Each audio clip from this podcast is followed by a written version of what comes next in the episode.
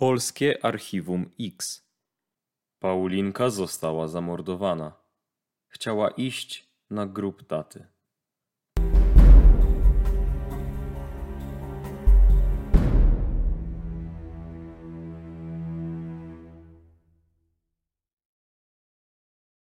Ciało dziewczynki leżało na brzegu jeziora. Jedenastolatka była naga.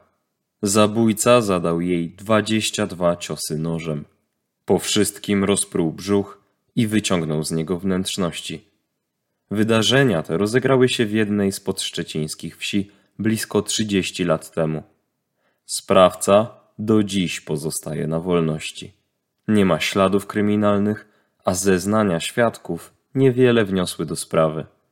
Dwadzieścia lat po śmierci jedenastoletniej Pauliny mieszkańcami Morzyczyna wstrząsnęła kolejna zbrodnia, a ofiarą była sąsiadka dziewczynki.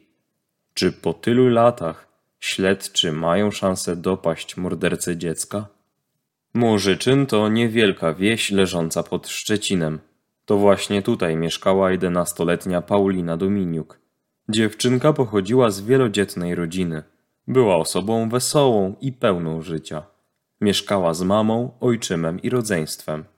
Był czerwiec 1996 roku i nic nie zapowiadało tragedii.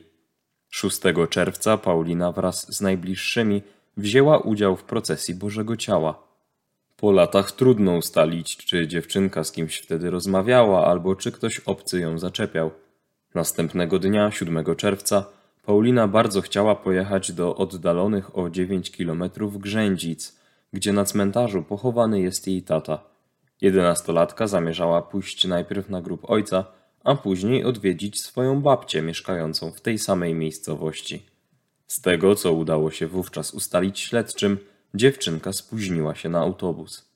Paulinka bardzo mnie prosiła, że chce jechać do Grzędzic, do tatusia, gdzie jest pochowany, i babcię odwiedzić. Autobusem do Lipek miała jechać i stamtąd przejść kawałek, opowiedziała Rafałowi Zalewskiemu, dziennikarzowi interwencji Polsatu, mama Pauliny. Uwagę kobiety przykuł jeszcze jeden fakt. Dziewczynce zależało bardzo na wyjściu z domu o konkretnej godzinie. Być może była z kimś wcześniej umówiona. To pytanie, mimo upływu lat, pozostaje bez odpowiedzi. Policjanci ze szczecińskiego archiwum X rozmawiali ze świadkami, którzy widzieli, jak dziewczynka próbuje zatrzymać tak zwaną okazję. Do jakiego samochodu wsiadła dziewczynka? Tego nie udało się ustalić. Kiedy bliscy zorientowali się, że Paulina nie dotarła do babci ani nie wróciła do domu, natychmiast zawiadomili policję. Ciało Pauliny odnalazło się cztery dni po zaginięciu.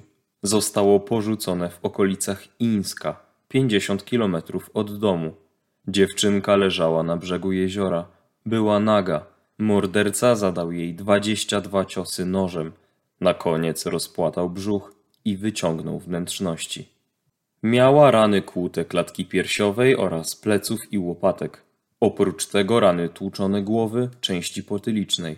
Na miejscu nie znaleziono jednak ani sukienki, w której wyszła, ani bucików. Śledczy ustalili, że Paulina żyła jeszcze dwa dni po uprowadzeniu. O tej sprawie rozmawiamy z Rafałem Zalewskim, dziennikarzem interwencji Polsatu, który zajmował się tą zbrodnią.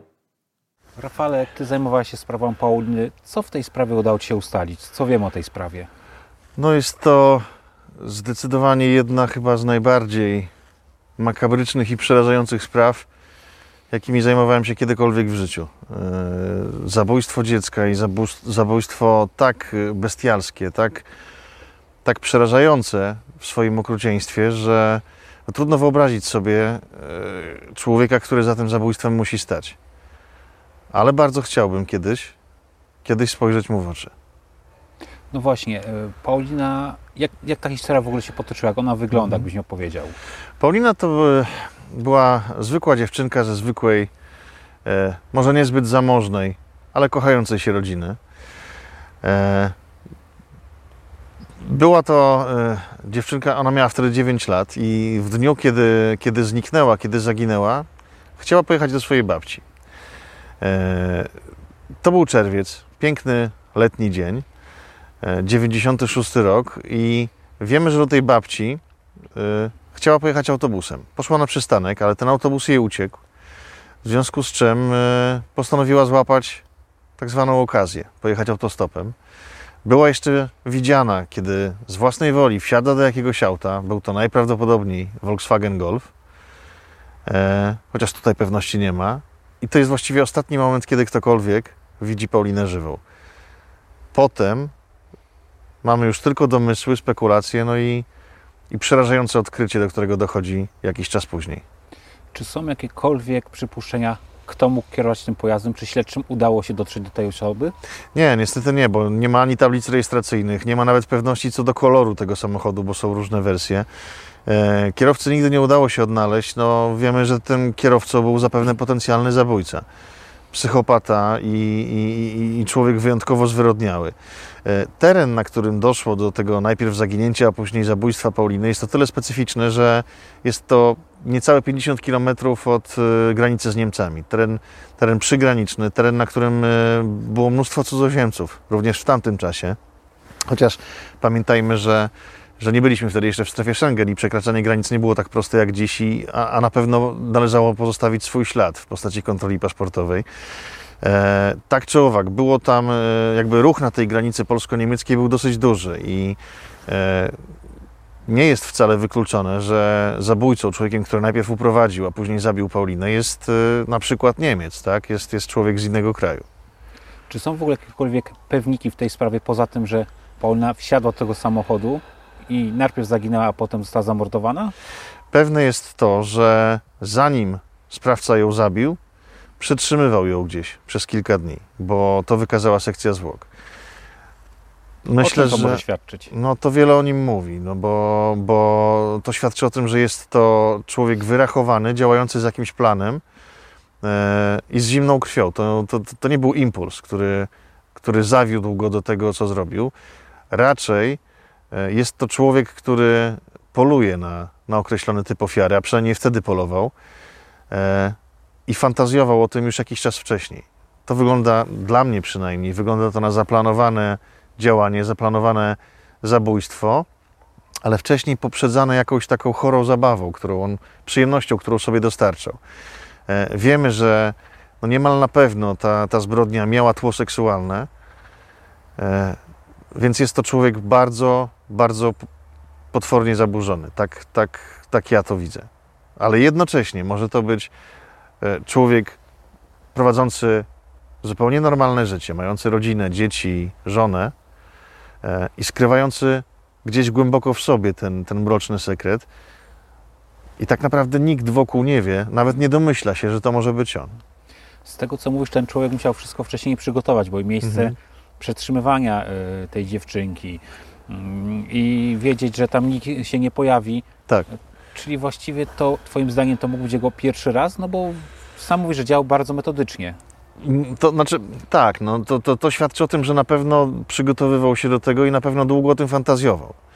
E, mógł to być pierwszy raz, chociaż no, z drugiej strony było to zrobione wszystko przeprowadzone na tyle sprawnie, że można gdzieś domniemywać, że, e, że jednak jest to człowiek, który próbował czegoś podobnego już wcześniej, ale no, z drugiej strony pierwszy raz, jeżeli długo o nim myślał, długo sobie to wyobrażał e, i planował go przez długi czas, E, no to, to również mogło rzeczywiście być dopięte na ostatni guzik. Ciekawe jest to, że e, moim zdaniem jest to ktoś z tego terenu, bo wiele wskazuje na to, że on doskonale znał topografię tych miejsc. No bo tak jak mówisz, po pierwsze, musiał być, mieć przygotowane miejsce, w którym nikt tej Pauliny nie usłyszy, prawda? Nie usłyszy wołania o pomoc, krzyków, nie zauważy niczego podejrzanego. E, No a później wiedział, jak to ciało porzucić, jak je okaleczyć, tak, aby nikt go nie widział, bo, bo przypomnijmy, że, że to nie było zabójstwo, które trwało chwilę, tylko to było zabójstwo połączone z jakąś taką celebracją, e, celebracją śmierci, krwi i okrucieństwa. To, to musiało trwać dłuższy czas. E, w związku z czym on musiał zapewnić sobie komfortowe warunki, warunki tego, że nikt go nie dostrzeże. E, musiał czuć się tam bezpiecznie, a bezpiecznie czujemy się w miejscach, które już znamy. No właśnie, jeżeli chodzi o ciało, tutaj nie wchodząc w szczegóły, ono zostało w specyficzny sposób okaleczone, Tak. co mogłoby wskazywać, że ten człowiek być może pracował w rzeźni, być może był lekarzem, a przynajmniej był osobą, która w jakiś sposób wcześniej gdzieś ćwiczyła, nie wiem, cięcia, wycinanie pewnych rzeczy. Można tak zakładać, aczkolwiek no, e, z innych podobnych już e, spraw wiemy, e, ty również, że, że wcale nie trzeba mieć specjalistycznego wykształcenia, aby tego typu umiejętności posiąść. To może być człowiek, który mieszkał na wsi i na przykład oprawiał nie wiem, bydło, czy, czy, czy zajmował się czymś podobnym, prawda? To, to, to, to wcale nie musi być lekarz, patolog, czy ani- ani nikt podobny. Wiemy, że narzędzie zbrodni, którym się posłużył, było dość specyficzne, bo nie był to zwykły nóż, e, tylko był to nóż e, o bardzo wąskim ostrzu. Jak e, kiedy rozmawiałem z policjantem z archiwum Mix, który zajmował się tą sprawą, on wręcz określił, że był to, był to rodzaj szpikulca. E, Tym szpikulcem on najpierw zadaje kilkadziesiąt ciosów, a później jeszcze no, okalecza to ciało w sposób absolutnie potworny i nie mieszczący się w głowie. Po co to zrobił? Dlaczego? Jakiej chorej przyjemności mu to dostarczyło? No to trudno mi sobie wyobrazić w ogóle odpowiedzi na te pytania. Twoim zdaniem po tylu latach jest jeszcze szansa dojść do prawdy? No bo 96 rok, szmat czasu, czy w ogóle czy ten człowiek jeszcze Twoim zdaniem może żyć? Jak najbardziej może żyć, bo nie wiemy przecież w jakim wieku był, kiedy te zbrodnie popełnił, ale zakładając, że na przykład miał wtedy około 30 lat, no to dzisiaj jest 60-latkiem, który może być sprawny fizycznie, silny e, i równie dobrze może skrzywdzić kolejną osobę, więc ja myślę, że my nie powinniśmy zadawać sobie pytania, czy warto szukać nadal tego sprawcy, bo ja myślę, że to jest e, obowiązek nas wszystkich, dlatego że e, motyw seksualny wskazuje na to, że tego typu zbrodnia może się jeszcze powtórzyć. Bo tego typu zabójcy działają cyklicznie i rzadko kiedy przestają. Więc nawet jeżeli ten okres wyciszenia jest bardzo długi, to, to on może uderzyć ponownie, a wtedy zginie kolejne dziecko i wszyscy będziemy zastanawiali się nad tym, dlaczego nikt nic z tym nie zrobił, prawda?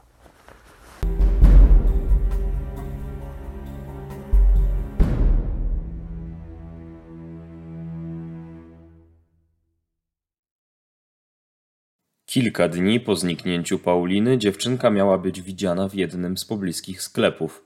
Miała być ona w towarzystwie nieznanego mężczyzny w wieku 30 lat. Śledczy nie są pewni, czy była to Paulina. Sporządzono natomiast portret pamięciowy mężczyzny. Policjantom nigdy nie udało się do niego dotrzeć. Rafale, to by udało się ustalić jeszcze w tej sprawie, pojawia się taka historia, Mhm. że Paulina już po zaginięciu miała być widziana z jakimś mężczyzną w sklepie.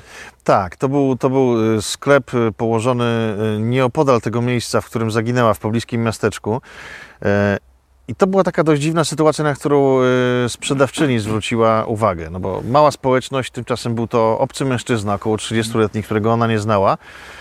E, I kupował lody y, dziewczynce, która jej zdaniem pasowała do rysupisu właśnie Pauliny. E, Jej zdaniem dziewczynka zachowywała się dosyć dziwnie, bo no, zachowywała się tak, jak byłaby w bardzo niekomfortowej sytuacji. On kupował jej loda, ona go nie chciała i ta kobieta odniosła wrażenie, jakby ta dziewczynka była w tym sklepie wbrew swojej woli.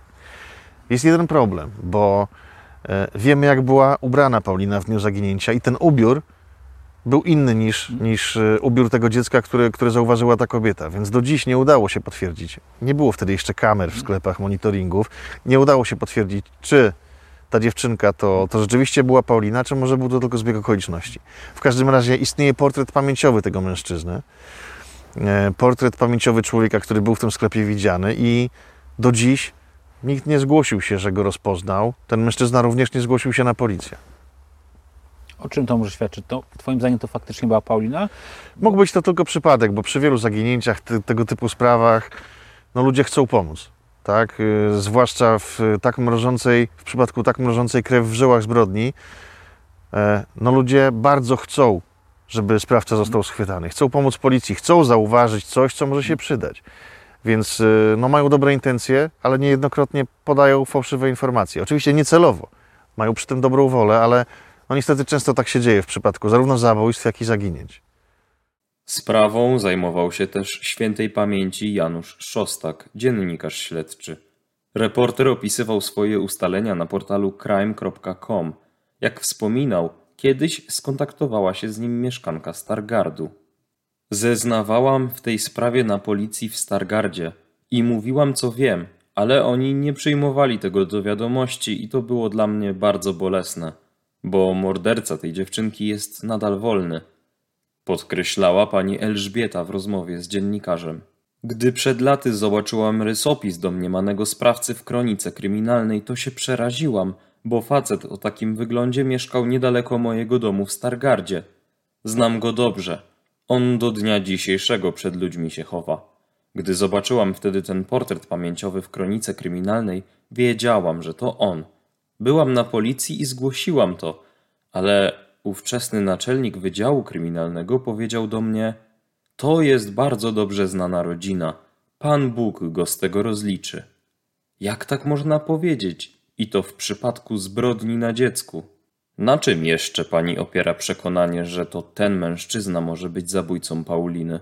Dopytywał kobietę dziennikarz. On czasem jeździł czerwonym polonezem, takim jaki rozpoznał człowiek ze sklepu. Nagle zaczął się ukrywać przed ludźmi. Rozmawiałam wtedy z jego żoną, która powiedziała mi, że nie wie, co się dzieje z jej mężem. Jakiegoś kota dostaje i dziwnie się zachowuje, unika ludzi, powiedziała do mnie. A dziwisz się po tym, co zrobił? Odpowiedziałam, ale ona zamilkła. Ten człowiek nie był nigdy przesłuchany, zupełnie nie brano tego pod uwagę, powiedziała w rozmowie z dziennikarzem kobieta. Dwadzieścia lat po śmierci Pauliny Morzyczynem znów wstrząsnęła tragedia. Osiemnastoletnia Alicja została w brutalny sposób zamordowana. Jej ciało morderca porzucił na obrzeżach Szczecina. Zabrał jej telefon komórkowy i 90 złotych. Nastolatka przez pewien czas była sąsiadką z rodziną Pauliny. Okazało się, że sprawcą morderstwa jest 55-latek, który miał poznać Alicję na portalu randkowym. Szczeciński sąd skazał mężczyznę w 2018 roku na karę dożywocia. Sędzia Joanna Wieczorkiewicz-Kita, odczytując wyrok, stwierdziła, że motywacja zasługiwała na szczególne potępienie. Stwierdziła również, że jest przekonana, iż sprawca działał umyślnie, zwabił Alicję w ustronne miejsce i tam udusił. Ze względu na sposób pozbawienia życia, policjanci zaczęli łączyć sprawę zabójstwa Alicji z morderstwem Pauliny. Rafale, tobie udało się dotrzeć do mamy Pauliny, jako chyba jedyny z nią rozmawiałeś.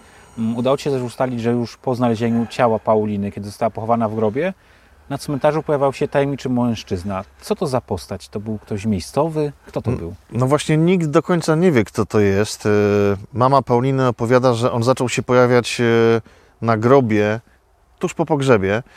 E, Był to bardzo wysoki człowiek z, z brudką i właściwie nie wiadomo dlaczego tam przychodził, bo ani mama Pauliny nikogo o tym rysopisie nie znała, ani nie był to nikt z, jej, z ich dalszej rodziny.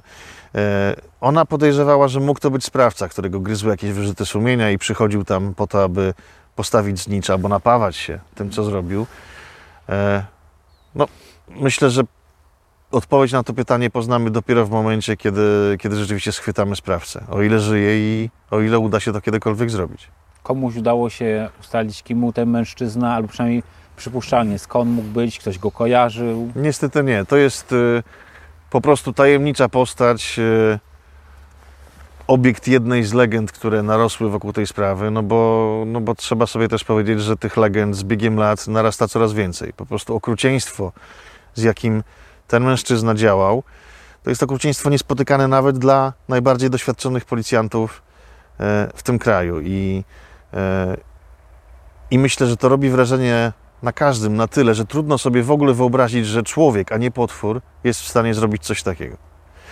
Tutaj e, był taki wątek jeszcze, że mm, w tej sprawie, że e, kilka lat temu e, pojawiła się szansa na przełom. Wszyscy przynajmniej na to liczyli, bo okazało się, że doszło do kolejnej zbrodni, zupełnie innej, bo zginęła dorosła kobieta, ale była to kobieta, która w tamtym czasie, jako dziecko, była jedną z sąsiadek Pauliny.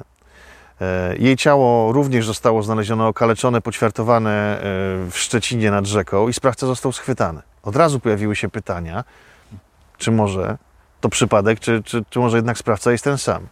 Wiem, że policjanci z archiwum Mix również pracowali e, nad tym człowiekiem, rozmawiali z nim. Na tamtym etapie, kiedy zajmowałem się tą sprawą, nie udało im się potwierdzić jakiegokolwiek związku tych dwóch zabójstw. Oficjalnie nie udało się go potwierdzić do dziś, no bo wszyscy byśmy o tym wiedzieli. No aczkolwiek ten zbieg okoliczności mimo wszystko do dziś pobudza wyobraźnię i jest zagadkowy. Dokładnie, strasznie dziwny zbieg okoliczności. Tak.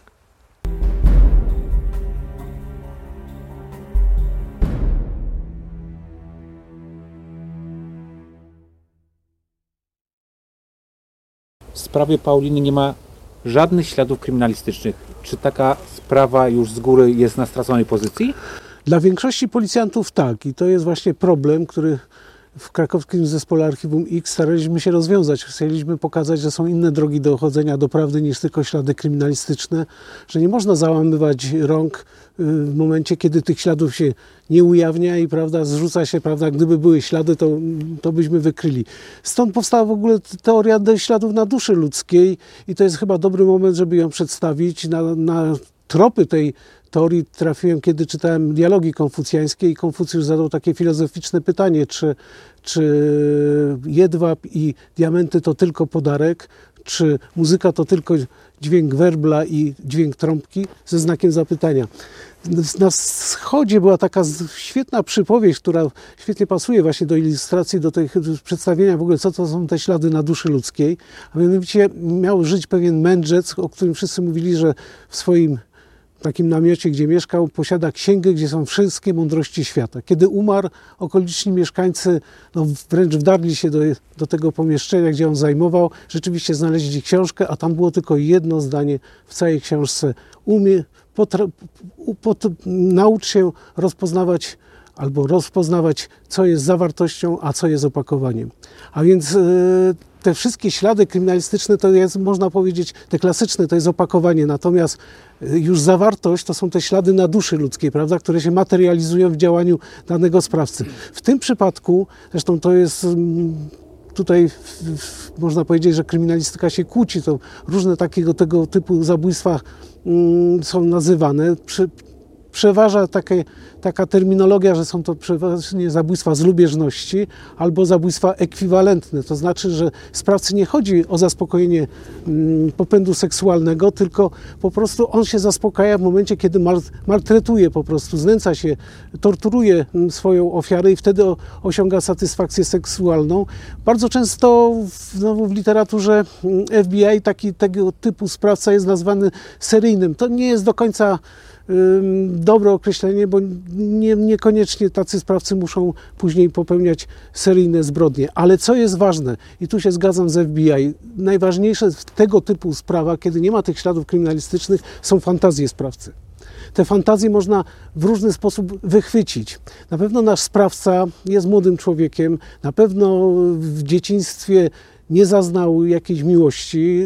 Przeważnie to tutaj relacje mężczyzny z matką dominują. Matka przeważnie w takich właśnie, tak uważa literatura, że ci sprawcy zabójstw ekwiwalentnych mają matkę taką apodyktyczną, autokratyczną, która jest głową ro, rodziny, ale nie potrafi, jest zimna emocjonalnie, nie daje uczucia po prostu. I, I jak gdyby brak tego uczucia to jest takie piętno. Ten sprawca czuje się niedowartościowany, że matka go nie dostrzega jego czynów i kiedy dojrzewa i, i ta jego agresja na, na to otoczenie, na najbliższych członków rodziny spotyka się właśnie z popędem seksualnym, wtedy się rodzi taka bestia, która jest zdolna właśnie do takich czynów jak do zabójstwa Pauliny. I najważniejszym śladem będą te fantazje seksualne. Te fantazje seksualne jak uchwycić? Różnie, prawda? Nie wiem, czy, czy śledczy wtedy sprawdzali prawda, osoby, które wypożyczały, na przykład, bo to jeszcze czas, lata 90.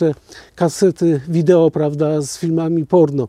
Y, to mogą być jakieś zapiski w zeszycie, to mogą być jakieś nawet żarty takie sadomasochistyczne, bo bo przeważnie ci sprawcy mają szereg różnych takich właśnie zboczeń. To teraz się nazywa parafilię, dawniej perwersję. Nie wiem czemu zmieniono tę nazwę, no ale teraz już nie, nie mówi się perwersję, tylko parafilię, czyli te zboczenia seksualne. Także to są najważniejsze ślady. Czy można wyłapać takie ślady? Można. Przeważnie tacy sprawcy nie zaczynają od, od zabójstwa kobiety, tylko od znęcania się nad zwierzętami, które nie poskarżą się, nie pójdą na policję zgłosić. To są właśnie te zachowania sadystyczne, które zaspokajają ich potrzeby seksualne. A to można wychwycić w takim środowisku, bo chyba Mariusz zgodzisz się ze mną, że tutaj raczej sprawca nie trzeba szukać daleko, prawda? Tak, tutaj mamy do czynienia z małą miejscowością, z jakimś tam ograniczonym e, ilością osób. Zresztą w tej sprawie jest wiele zagadek. Można mówić, że w tamtych czasach też wszyscy nie bardzo chętnie, prawda, pewne rzeczy mówili czy dzielili się z policją. Tutaj Bogdan mówił o braku śladów. No, nie możemy się poddawać nie mając śladów. Akurat są takie zdarzenia zabójstwa, gdzie tych śladów nie ma. Tutaj w przypadku tej dziewczynki, która została pierw uprowadzona, potem brutalnie zamordowana i po, po, po, paru dniach porzucona. Faktycznie nie mamy nic, bo nie możemy przeprowadzić oględzin poza oględzinami tymi sekcją zwłok ciała, bo została pozbawiona odzieży, porzucona.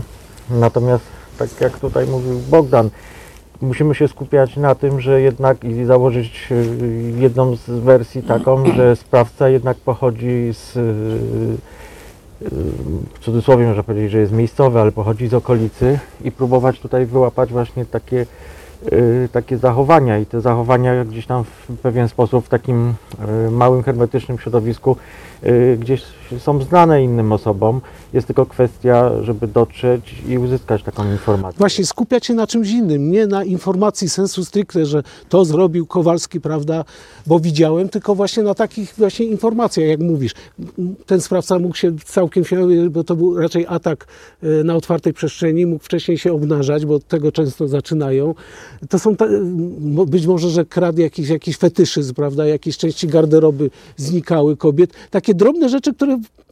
na pierwszy rzut oka nie można połączyć w ogóle z tą sprawą zabójstwa, ale właśnie to są najważniejsze ślady przy tego typu sprawy zabójstw. Nas tego nie uczono, Mariusz, chyba, prawda? W szkołach policyjnych myśmy sami do tego dochodzili yy, praktyką, że, że czasami właśnie trzeba szukać całkiem innych śladów, całkiem innych dowodów, a potem próbować, prawda, no już przez czynności operacyjne, prawda, jeżeli już wytypujemy daną osobę, no to można sprawdzić, weryfikować po prostu yy, te wersje. Natomiast tu są też takie ślady, jak prawda, porzucenie ten przy jeziorze Ińsku, prawda, czyli takim mało znanym jeziorze, czyli ktoś z okolicy, prawda. To są takie ślady, można by powiedzieć, geograficzne, utrwalone i, i, i oczywiście w sprawie powstał portret pamięciowy Według mnie nie wiem, Mariusz, jak ty sądzisz, no... Znaczy portret pamięciowy został sporządzony na podstawie zeznań i tego zeznania, że ten mężczyzna był widziany najprawdopodobniej, bo nikt nie ustalił do końca i to nie jest potwierdzone, że, że, że, że to była właśnie ofiara.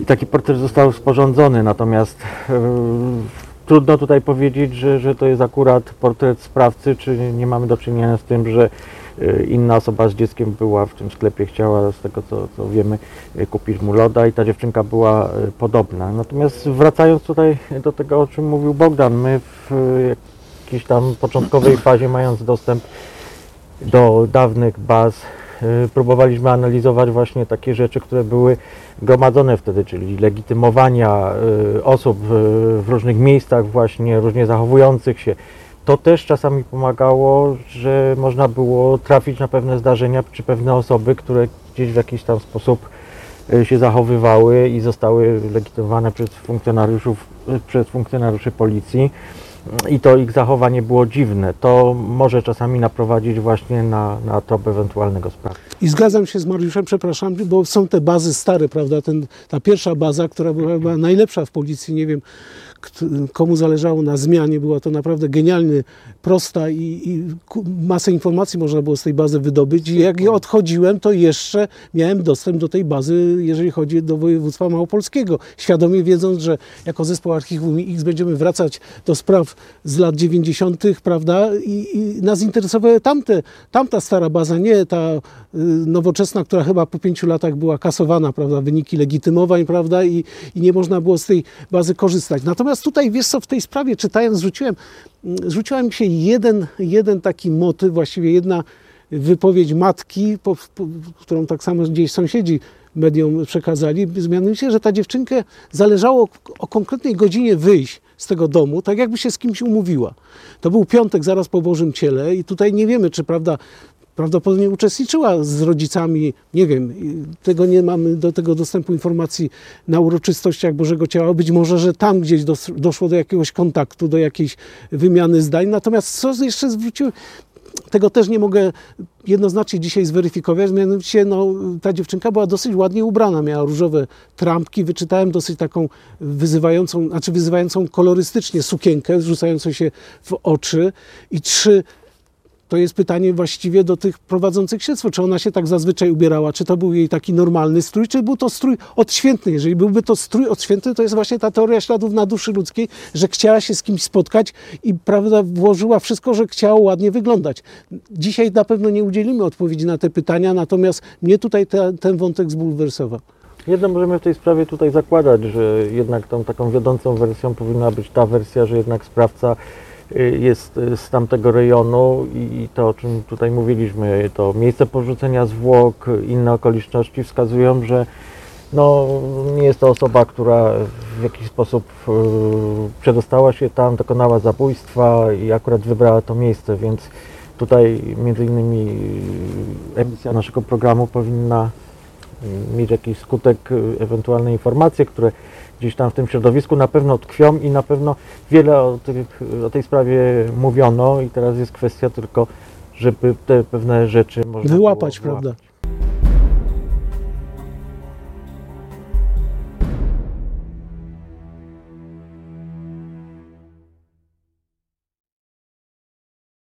No właśnie, wy mówicie o tych śladach na dłuższych, nazwijmy to inne ślady, prawda?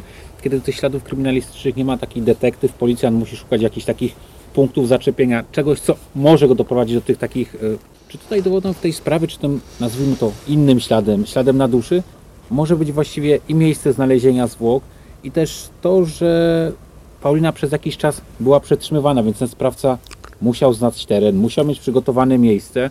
No to też jest jakimś takim śladem. Rozumiem, że te inne ślady to są takie trochę rzeczy, które gdzieś nie pasują do takich naszych codziennych zachowań, czy jakby do całej, do całej Tak, otoczki. Dawid, Nie ale wiem, dobrze, że mm, tą kwestię, że musiał planować, prawda, mieć miejsce.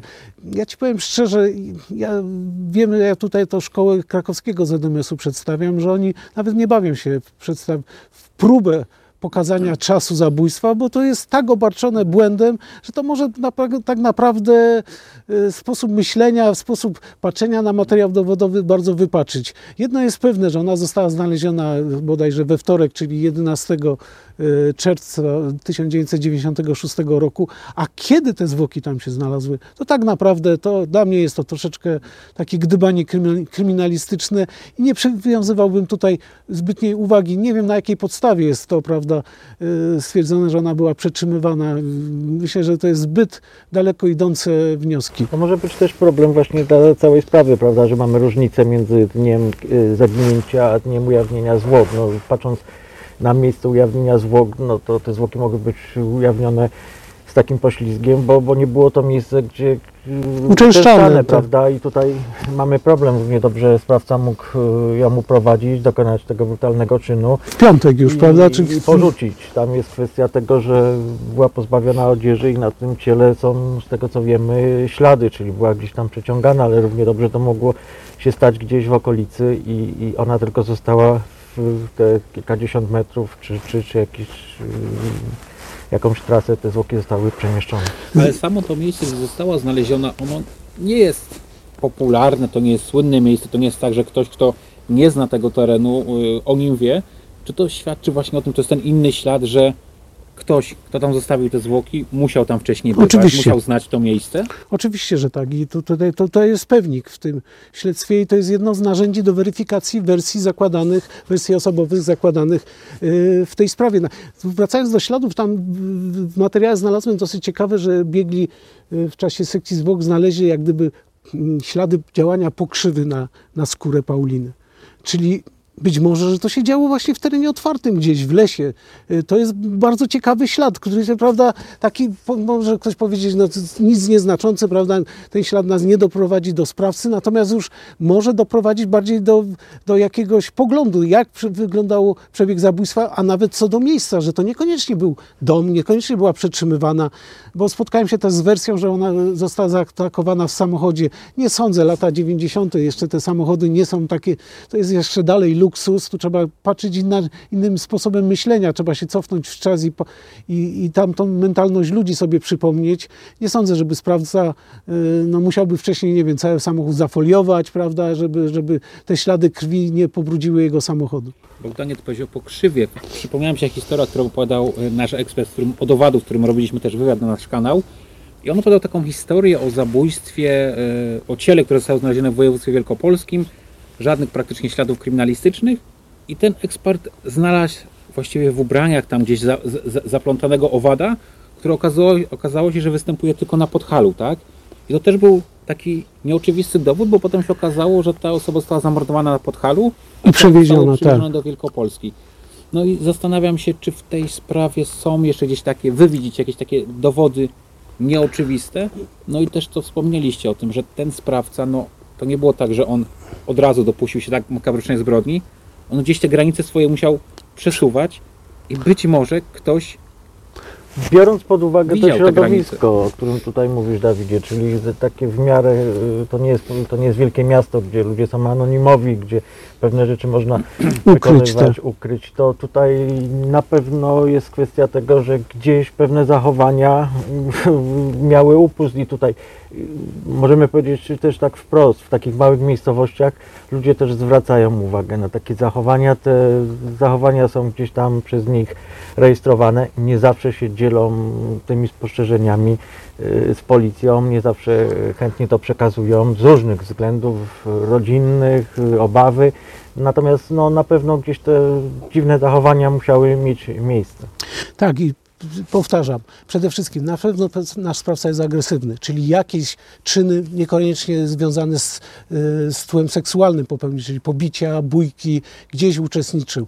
Na pewno ma zboczenia seksualne, czyli te parafilie, być może znęcał się nad zwierzętami, a tutaj mamy, no, jak to zawsze powtarzam, że popęd seksualny jest popędem odnawialnym, czyli to nie, nie, nie robił raz, nie robił dwa razy, ale mógł to robić nawet setki razy i gdzieś przy którym ktoś mógł zauważyć, prawda, mógł się obnażać, prawda, i tego typu to są właśnie te narzędzia do poszukiwania sprawcy zabójstwa Pauliny. Czyli to są takie właściwie punkty zaczepienia, które mogą pozwolić gdzieś po tej Wytypowa- drabince tak. dowodowej iść dalej. Tak, typowanie wersji osobowej, a później weryfikacja, już po prostu, po prostu szukanie dowodów, czy to prawda, różnych, prawda, czy to badania wariograficzne, czy badania psychologiczne, prawda, sprawcy, czy przeszukanie zapisków jego, czy, czy zapisów mag, mag, jakichś taśm wideo, różne, prawda, to, to, Być może ten sprawca do dziś ma jakąś rzecz, która należała do Pauliny. Być no tak, bo te rzeczy nie zostały znalezione, prawda? I być może jako ma swoisty fetysz, y, który pozwala mu powrócić, prawda? Znowu onanizować się do, y, przy tej właśnie odzieży naszej Pauliny. Tego nie można wykluczyć. Waszym zdaniem ten sprawca dopuścił się jednej zbrodni? No bo po tak brutalnym morderstwie ciężko sobie właściwie usmysłowić, że on się zatrzymał. Wiesz co, tu jest y, jeden problem. Y, Nagle, bo zwróć uwagę, te, te, też w Małopolsce, prawda, może przedstawimy sprawę z Gorlic w jakimś jednym z najbliższych y, odcinków, też takie zabójstwo właśnie, gdzie w podobnym po- modus operandi, można powiedzieć, mm, zabójcy.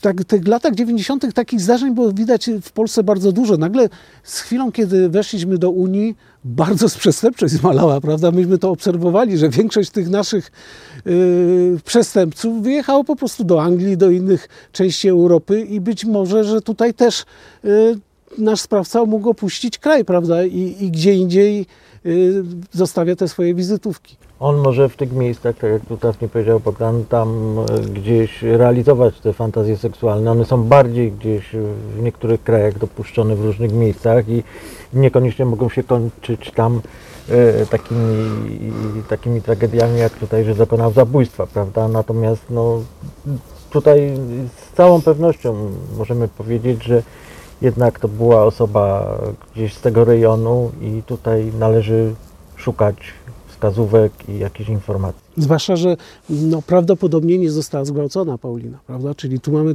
tak jak na początku zacząłem, z, do czynienia ze sprawcą ekwiwalentnym, prawda?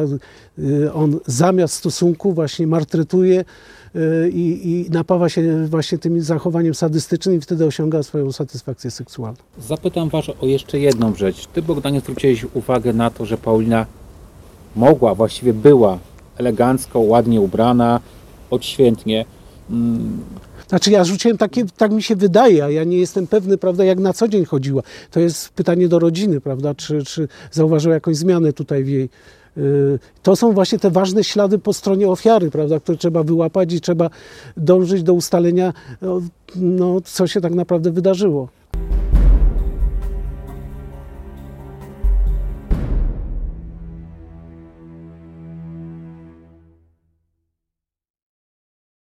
Ale zakładając, że ta Mhm. wersja jest realna i Paulina, dzień, i Paulina podczas procesu Bożego Ciała być może z kimś rozmawiała, pewnie najprawdopodobniej to była dziewczynka, tak?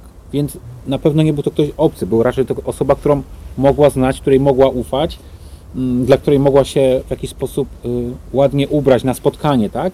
Czy to może świadczyć, że ten sprawca w jakiś sposób wcześniej znał Paulinę, mijał się z nią na ulicach tego miasteczka? Tego nie można wykluczyć. Przy tych zabójcach ekwiwalentnych zazwyczaj oni przypadkowo dobierają ofiary, ale są wyjątki od reguły. To nie jest tak, że jest jakiś jeden modus operandi ich działania. Zawsze trzeba pamiętać, że jest jakiś schemat, jest jakiś taki, taki, takie, takie e, zachowania, które się najczęściej pojawiają w, statyst- w statystyce, ale zawsze jest wyjątek od reguły. Natomiast no, no tutaj też trzeba pamiętać, że ona ponoć była widziana, że łap, łapała prawda, tak zwaną okazję, że nie zdążyła na, na autobus. Teraz też nie wiemy, o której ten autobus odjeżdża. Wiemy, że wyszła około godziny 13 z domu, czy gdzieś się spotkała. Tak naprawdę troszeczkę mamy mało informacji, prawda, żeby, żeby tutaj starać się bliżej coś podpowiedzieć śledczym. Właściwie Tutaj nawet możemy- nie wiemy, jaki był kolor tego samochodu, więc właściwie to też jest pytanie, czy tą okazję opała tego dnia, czy być może ten świadek, który to zeznał, być może pomylił dni, być może to było wcześniej. To, to, Ale to, często tak bywa, Dawidzie, właśnie, że gdzieś są przekazywane informacje, my w wielu sprawach Tak. było tak, że generalnie ktoś tam stwierdza w rozmowie, w rozpytaniach z policjantami, Że widział, że tak. widział i tak dalej, natomiast okazuje się, że tak Dawno- jak tutaj mówisz, że to nie jest ten czas, to miejsce, znaczy miejsce to, tylko nie ten czas i gdzieś tam to jest wszystko przesunięte. I tutaj tego potwierdzenia nie mamy takiego, że ona wsiadła, że, że złapała okazję i zupełnie przypadkowo odjechała z tego miejsca, także tutaj generalnie zakładając, podobnie jeśli chodzi o ten ubiór, prawda, to nie możemy wykluczyć, że, że było to y, czysty przypadek i, i była w ten sposób ubrana odświętnie, natomiast tutaj możemy tylko jedno powiedzieć, że nie przyjechał tam nikt specjalnie y, w ten sposób, żeby ją po prostu ktoś obcy, prawda, nie znający terenu, żeby ją zabrał stamtąd, dokonał tego czynu i porzucił w tym miejscu, bo sam dobrze wiesz, że żeby się czuć dobrze w danym miejscu, no to trzeba mieć jakąś orientację, prawda? Trudno trzeba wiedzieć, tak. się w takie miejsce, tym bardziej do dokonania takiego czynu i potem porzucenia zwłok. Sprawca się boi, bo, prawda, żeby ten swój strach zagłuszyć, to wybiera miejsce, gdzie wie, że nie zostanie zauważony, po, po prostu dla niego bezpieczny. I, I to jest mechanizm stary jak świat.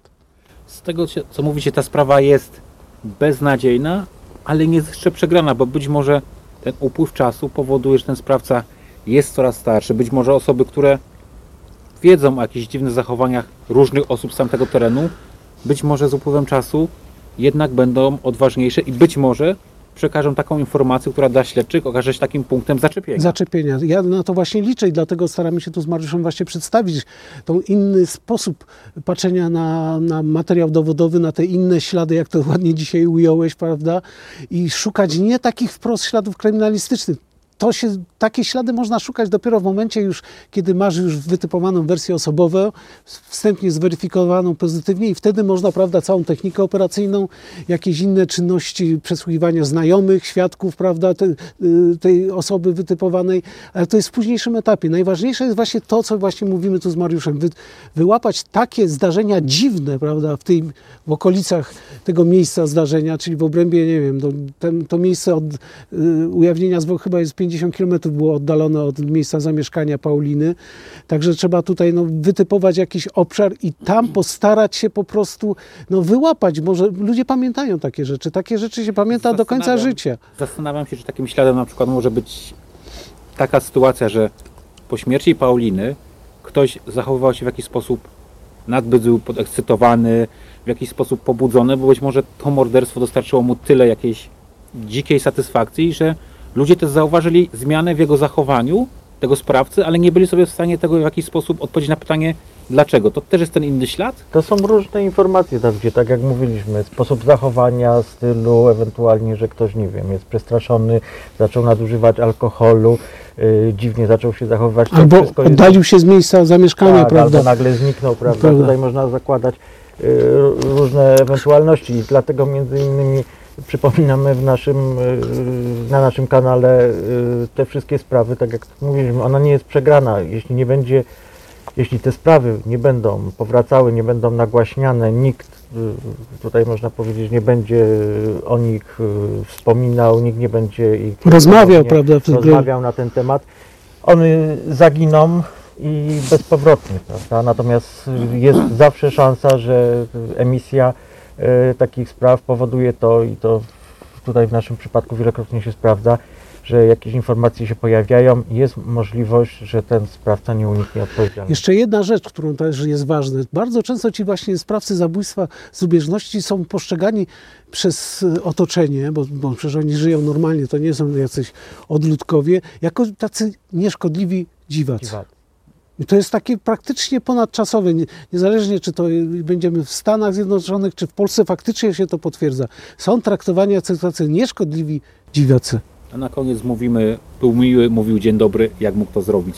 I na koniec ma taką refleksję a propos tych śladów na duszy, czy innych śladów. Trochę jest tak, że żyjemy teraz w takich czasach, że łatwo jest się dowiedzieć, jak usunąć te ślady kryminalistyczne, w jaki sposób je zatrzeć, ale myślę, że sprawca, jeżeli nie jest w jakiś sposób psychopatą, czy miał problemów y, No, psychicznych, przeważnie jest, to są psychopatie, to się łączy to z reguły psychopatią. będzie pamiętać, co to zrobiło. Mam takie wrażenie, że te sytuacje takie stykowe, nie wiem, śmierć bliskiej osoby, y, zawód miłosny, y, wypadek, zawsze pamiętamy, bo one budzą w nas bardzo duże emocje. Znaczy on będzie pamiętał swoje zaspokojenie seksualne.